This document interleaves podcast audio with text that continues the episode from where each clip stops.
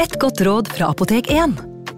Nå er snart pollensesongen i gang, og et godt råd til deg som sliter med pollenallergi, er å begynne behandlingen i god tid før allergisesongen starter. Da får du nemlig enda bedre effekt av legemidlene, og så blir ikke våren din helt ødelagt. Kom innom og få råd på ditt nærmeste Apotek 1, eller chat med oss på apotek1.no. Apotek 1 vår kunnskap, din trygghet. Kom og spis! Kjøkkensjefen har middagen ferdig. Vi kommer! Vi skal bare Åh, det er da så morsomt her på Stiklestad! Ja, men sjøl en god viking må ha både mat og hvile. Og dessuten kan dere nå være noen dager. Velkommen til Scandic Stiklestad. Moderne fasiliteter i historiske omgivelser. Det var her det skjedde. Det er her det skjer.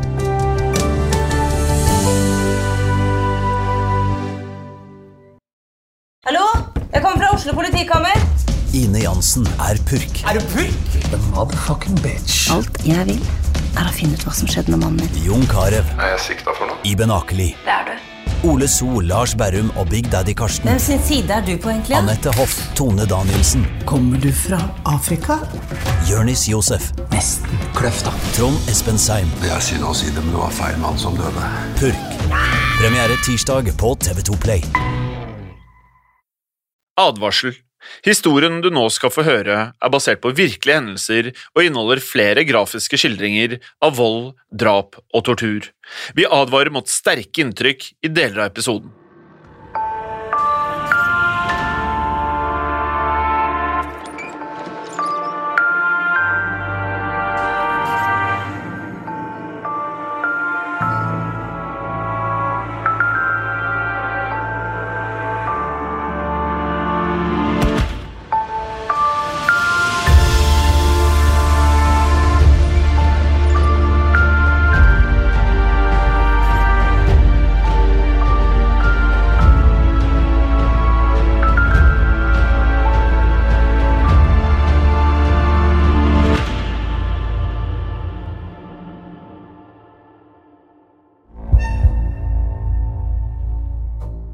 I dag er det mange som ser tilbake på Nazi-Tyskland under andre verdenskrig og lurer på hvordan noen kunne følge en mann som Adolf Hitler.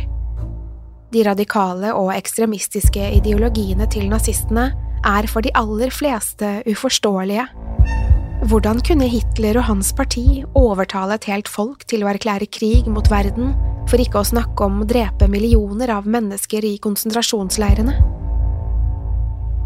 Mye av dette kan spores tilbake til én person som hadde ansvaret for å spre nazistenes løgner blant det tyske folk.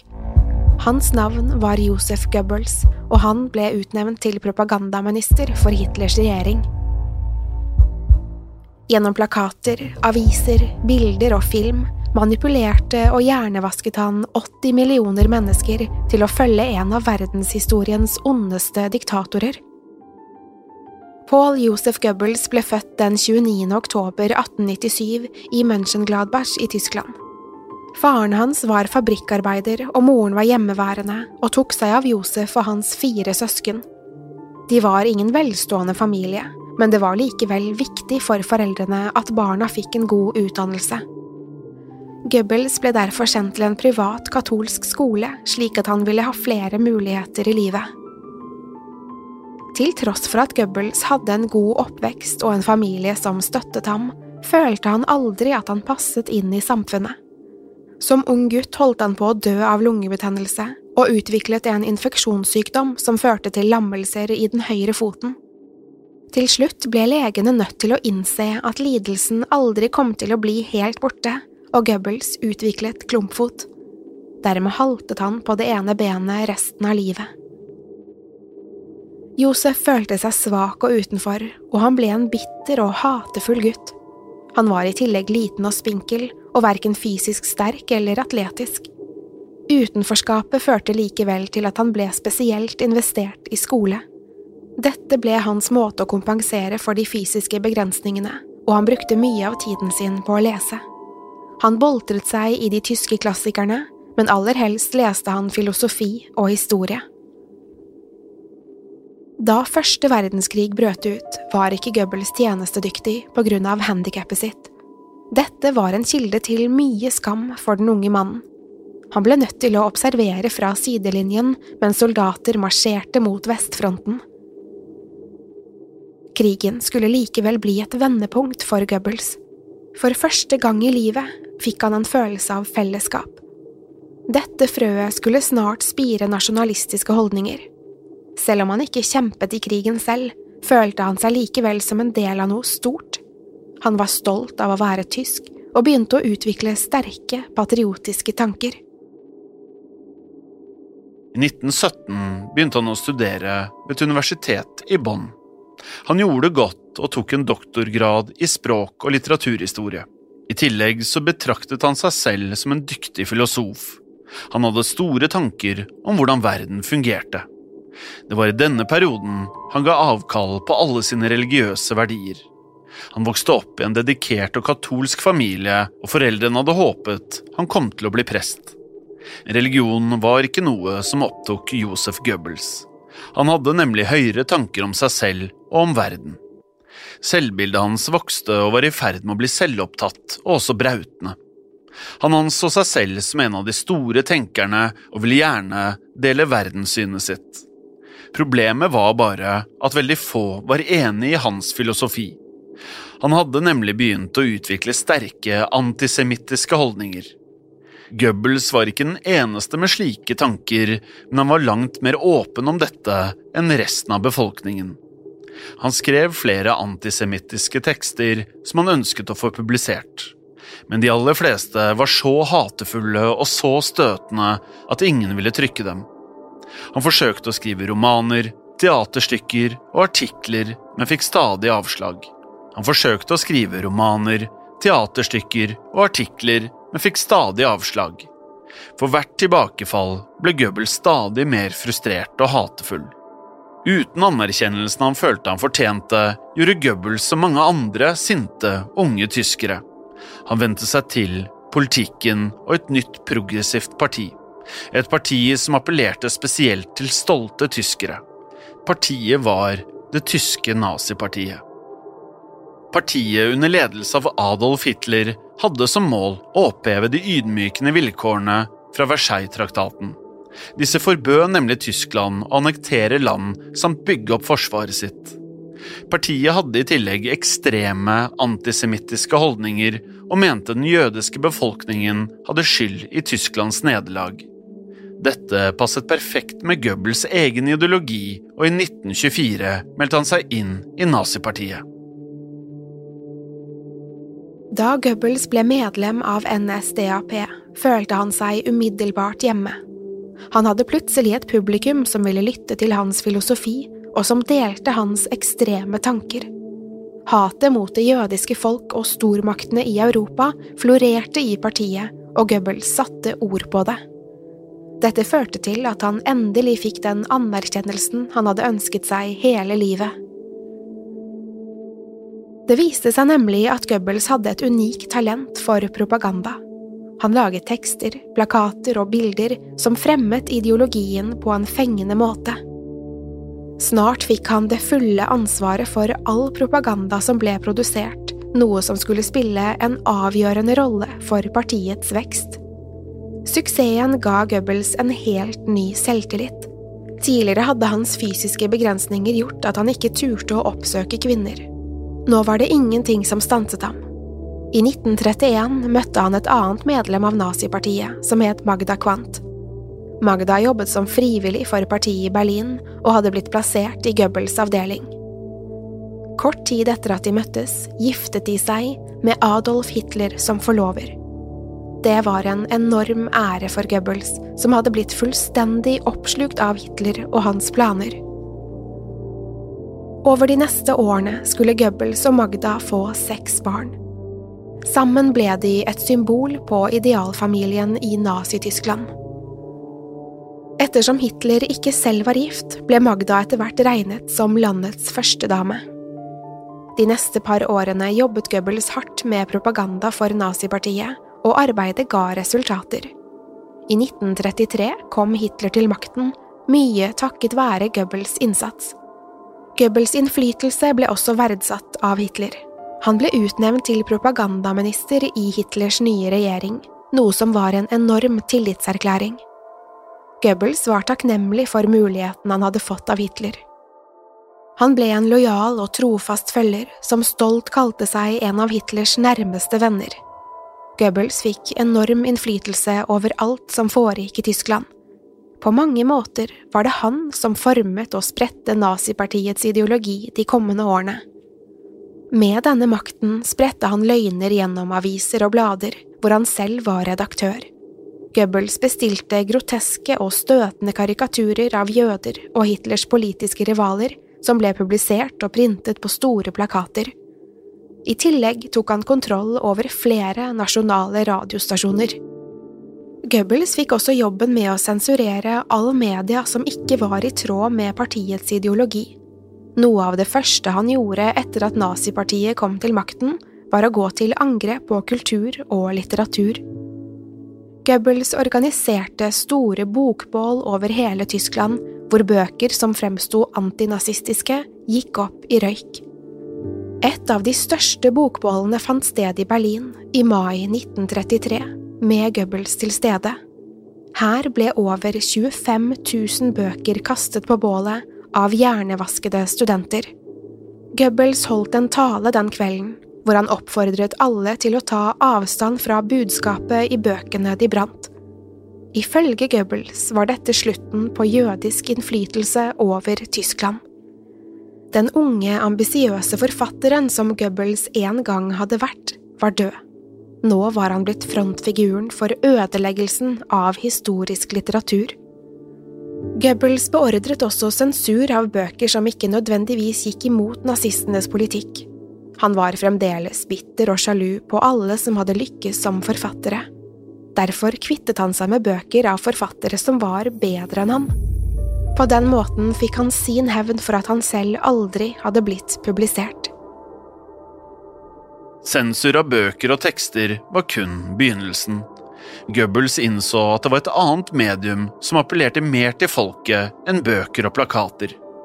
Både han og Hitler var store filmentusiaster, og de visste godt at film vekket store følelser. Goebbels bestemte seg for å ta kontroll over Tysklands største filmstudio, som var UFA.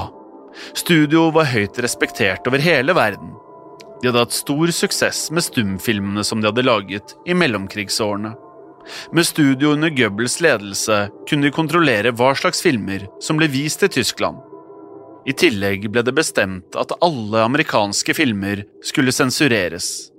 Både Goebbels og Hitler elsket amerikanske filmer og beholdt de nyeste utgivelsene til privat bruk. De syntes likevel ikke at filmene var passende for det tyske De syntes allikevel ikke at filmene var passende for det tyske folk. Goebbels kunne ikke ta sjansen på at folket ble påvirket i feil retning. Goebbels sørget også for at hele den tyske filmindustrien var på nazistens side. Alle jødiske ansatte ble sparket, og skuespillere, regissører og produsenter fikk beskjed om å kutte all kontakt med jødiske bekjente. Om noen nektet, ville de bli svartelistet slik at de aldri fikk jobbe i Tyskland igjen. For å gjøre alt verre nektet han dem også å forlate Tyskland. På den måten fikk de heller ikke arbeide noe annet sted. Mange i industrien tok Goebbels trussel på alvor og gjorde som de fikk beskjed om. Likevel var det også noen som nektet å føye seg etter reglene. Da de ble sparket fra jobbene sine, var det flere som begikk selvmord. De ville heller dø enn å ikke få jobbe med det de elsket, på sine premisser. Etter at Goebbels hadde rensket vekk de uønskede arbeiderne, startet det virkelige arbeidet. Goebbels bestilte en rekke filmer som skulle overbevise folket om at nazipartiets ideologi var den eneste rette. Felles for filmene var at de rettferdiggjorde grusom behandling av spesifikke grupper. På denne måten skulle folket hjernevaskes med partiets politikk. Det endelige målet var å godta forfølgelse av jøder og systematisk henrettelse av syke. En av disse filmene het Ich klage an. I filmen blir konen til en lege plutselig alvorlig syk. Når det ikke finnes noen behandling, trygler hun ektemannen om å hjelpe henne med å avslutte livet. Han velger til slutt å innfri konens ønske. Mesteparten av filmen finner sted i en rettssal. Her skal det avgjøres om mannen er skyldig i kvinnens død, eller om han kun har hjulpet henne. Goebbels sitt budskap var klart. Han ønsket å overbevise folket om at døden var å foretrekke fremfor alvorlig sykdom. Filmen ble avgjørende for at en ny lov ble vedtatt. Den nye loven ga myndighetene rett til å pågripe og også drepe alvorlig syke mennesker. Folk sendte sine syke familiemedlemmer til gasskamrene pga. Goebbels hjernevasking. Derfor ble Ich Klage An regnet som en av verdens farligste propagandafilmer. Goebbels tilbrakte mye tid på filmsettene, og det var ikke bare for å se til at alt ble gjort riktig. Det var nemlig en rekke vakre skuespillerinner der som han hadde et godt øye til. Goebbels viste seg å være en svært sjåvinistisk mann. Han utnyttet kvinnene på filmsettet og lovet dem store roller om de hadde sex med ham. Om de nektet, kunne de vente seg å bli svartelistet, på lik linje med de som ikke ville jobbe for nazistene. Mot slutten av 1937 møtte Goebbels den tsjekkiske skuespillerinnen Lida Borova, som hadde kommet til Berlin fra Praha for å jobbe for filmstudioet. Borova var en av de få skuespillerne som faktisk støttet nazistenes regime, og hadde takket nei til Hollywood for å komme til Tyskland.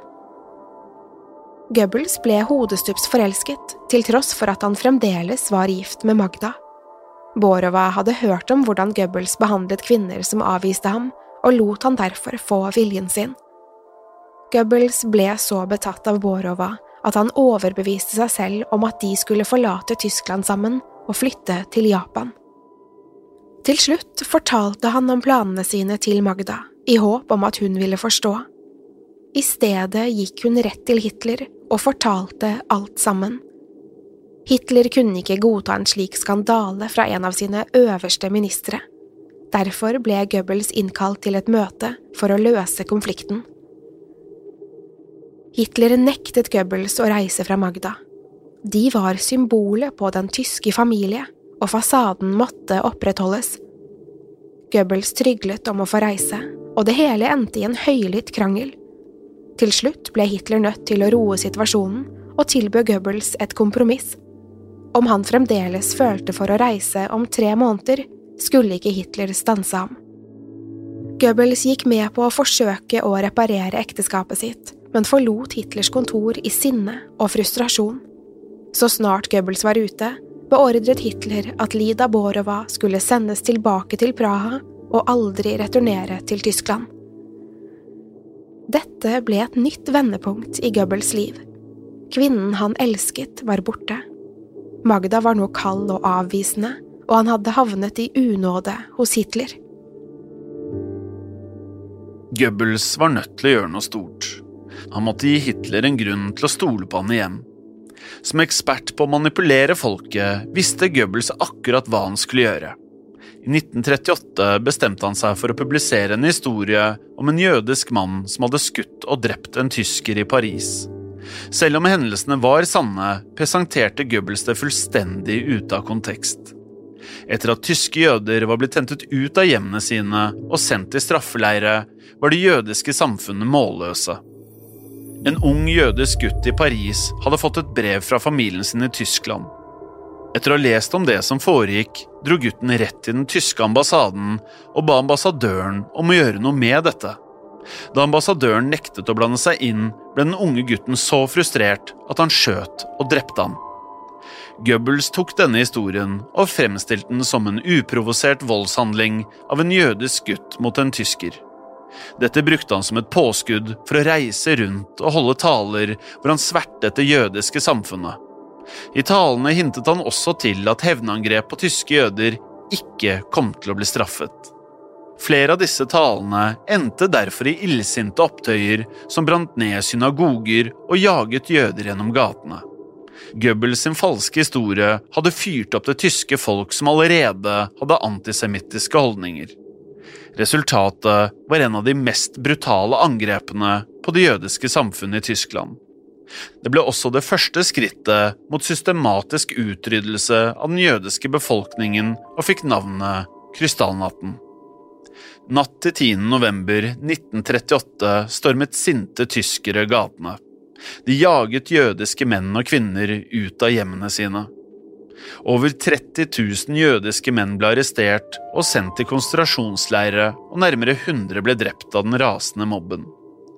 Jødiskeide butikker og varehus ble brent ned og ødelagt uten at myndighetene gjorde noe for å stanse det.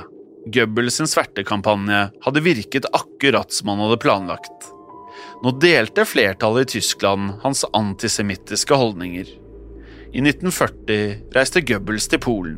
Her skulle han lage en falsk dokumentar om hvordan jødene levde i slummene. Dokumentaren nevnte aldri at det var nazistene som hadde tvunget jødene til å leve akkurat slik de gjorde. I stedet brukte Goebbels filmen til å overbevise det tyske folk om at jødene selv hadde valgt å leve på denne måten. I dokumentaren som fikk navnet Den evige jøde, ble den jødiske befolkningen sammenlignet med parasitter som forgiftet det tyske blod. Målet med filmen var å rettferdiggjøre at de ble behandlet som dyr som hørte hjemme i slummene og konsentrasjonsleirene. Filmen påsto også at jødene ville ta over verden hvis ikke Tyskland vant krigen. Mot slutten av filmen inkluderte Goebbels et opptak av Hitlers tale i riksdagen i januar 1939. Her uttalte Hitler til øredøvende applaus at han ville utrydde jødene. Nok en gang hadde Goebbels klart å manipulere det tyske folk til å stille seg bak nazipartiets ideologi. Goebbels sin film ble derfor avgjørende for at konsentrasjonsleirene fikk fortsette å utrydde millioner av mennesker. Hitler var fornøyd med Goebbels sitt arbeid og lot han igjen bli en del av den indre sirkelen. Da krigen var i gang og Tyskland bestemte seg for å gå til krig mot Russland, fikk Goebbels beskjed om å lage en ny dokumentar. Denne gangen skulle Goebbels manipulere folket til å tro at russerne var den nye fienden. Her valgte han å fokusere på russiske krigsfanger og påstå at alle russere levde akkurat slik. Nok en gang ble vinklingen i filmen at fienden oppførte seg som ville dyr. Til slutt var det denne propagandafilmen som overbeviste folket om at det var en god idé å erklære krig mot Russland. Likevel skulle dette signalisere begynnelsen på slutten for nazistenes styre i Tyskland. Etter dette begynte tilsynelatende Goebbels å miste besinnelsen. Han ble stadig mer aggressiv og hatefull i uttalelsene sine. I tillegg beordret han tyskere som slett ikke var tjenestedyktige, til å ta opp kampen mot de invaderende russerne. Gamle, syke og barn ble beordret til å melde seg til tjeneste i de siste ukene av krigen. Hitler innså snart at slaget var tapt. Russiske styrker var kun noen kilometer utenfor Berlin, og det var ingenting de kunne gjøre for å stanse dem. Nederlaget var et faktum, og Hitler innlemmet Goebbels og sine nærmeste i sin plan om å begå selvmord. Så snart Hitler selv var død, skulle Goebbels bli rikskansler. Han ville at Goebbels skulle lede Tyskland etter at de allierte inntok landet, og sørge for at folket kjempet til siste slutt. Men Goebbels var for dedikert til Hitler til å kunne leve videre. Uten Hitler var han ingenting kun en liten, svak mann uten noe formål i livet. Derfor planla han å begå selvmord sammen med føreren. Han beordret Magda og de seks barna deres om å vaske seg og kle seg i sine aller fineste klær før de reiste sammen til Hitlers bunker. Her ble de vitne til Hitlers bryllupsseremoni med Eva Braun den 29. april 1945. Senere samme dag skrev Hitler sitt testamente, hvor han offisielt utnevnte Goebbels til rikskansler. Etter Hitlers død la Goebbels til et notat i testamentet om at han nektet å ta over som rikskansler. Ifølge Goebbels selv var dette første gang han hadde motsatt seg Hitler. Kun én dag etter Hitlers død forgiftet Goebbels og Magda alle sine barn mens de sov. Goebbels orket nemlig ikke tanken på at de skulle vokse opp i et Tyskland som ikke var ledet av nazipartiet. En etter en fikk de en cyanidkapsel i munnen. Da de bet over kapselen i søvne, døde de i løpet av få sekunder. Så snart alle barna var døde, forlot Goebbels og Magda bunkeren. Under drønnene fra skudd og granater skjøt Goebbels sin egen kone før han tok sitt eget liv. De livløse kroppene deres ble dynket i bensin og påtent, like utenfor bunkeren. Krigen var over, og Nazi-Tysklands propagandaminister var død. Til tross for en god og stabil oppvekst hadde Josef Goebbels følt på utenforskap gjennom store deler av barndommen og ungdomstiden. På grunn av sine egne fysiske begrensninger ble han bitter og hatefull mot alle som var bedre enn ham. Da han begynte på universitetet, utviklet han et ego som han skulle bære med seg resten av livet. Samtidig begynte de antisemittiske holdningene hans å forme seg. Da han meldte seg inn i nazipartiet, hadde han plutselig et sted hvor han følte seg hjemme og verdsatt. Dette gjorde at han dedikerte all sin tid til partiet.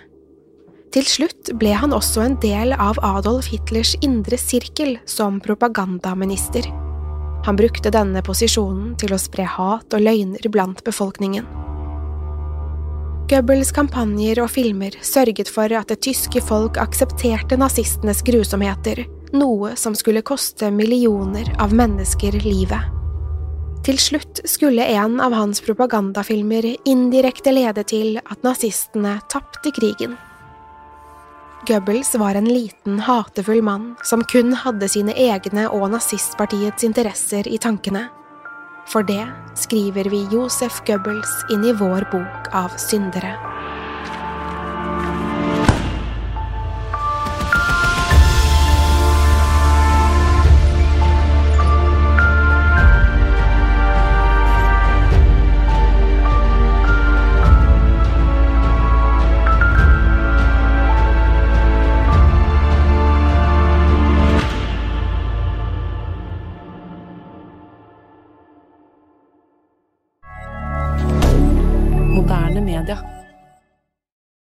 Har du et enkeltpersonforetak eller en liten bedrift? Da er du sikkert lei av å høre meg snakke om hvor enkelt det er med kvitteringer og bilag i fiken, så vi eh, gir oss her, vi. Fordi vi liker enkelt. Fiken superenkelt regnskap. Kiwi er billigst i VGs matbørs og har vært billigst i fire av de fem siste VGs matbørser. Og nå presser vi prisene på frukt og grønnsaker. På 200 gram broccolini setter vi prisen til 24,90. På 400 gram Cevita blåbær setter vi prisen til 49,90. Og husk, alle Kiwi Pluss-kunder får i tillegg 15% trumfbonus på all fersk frukt og grønt. For det er vi som er prispresserne. Og vi i Kiwi gir oss aldri på pris.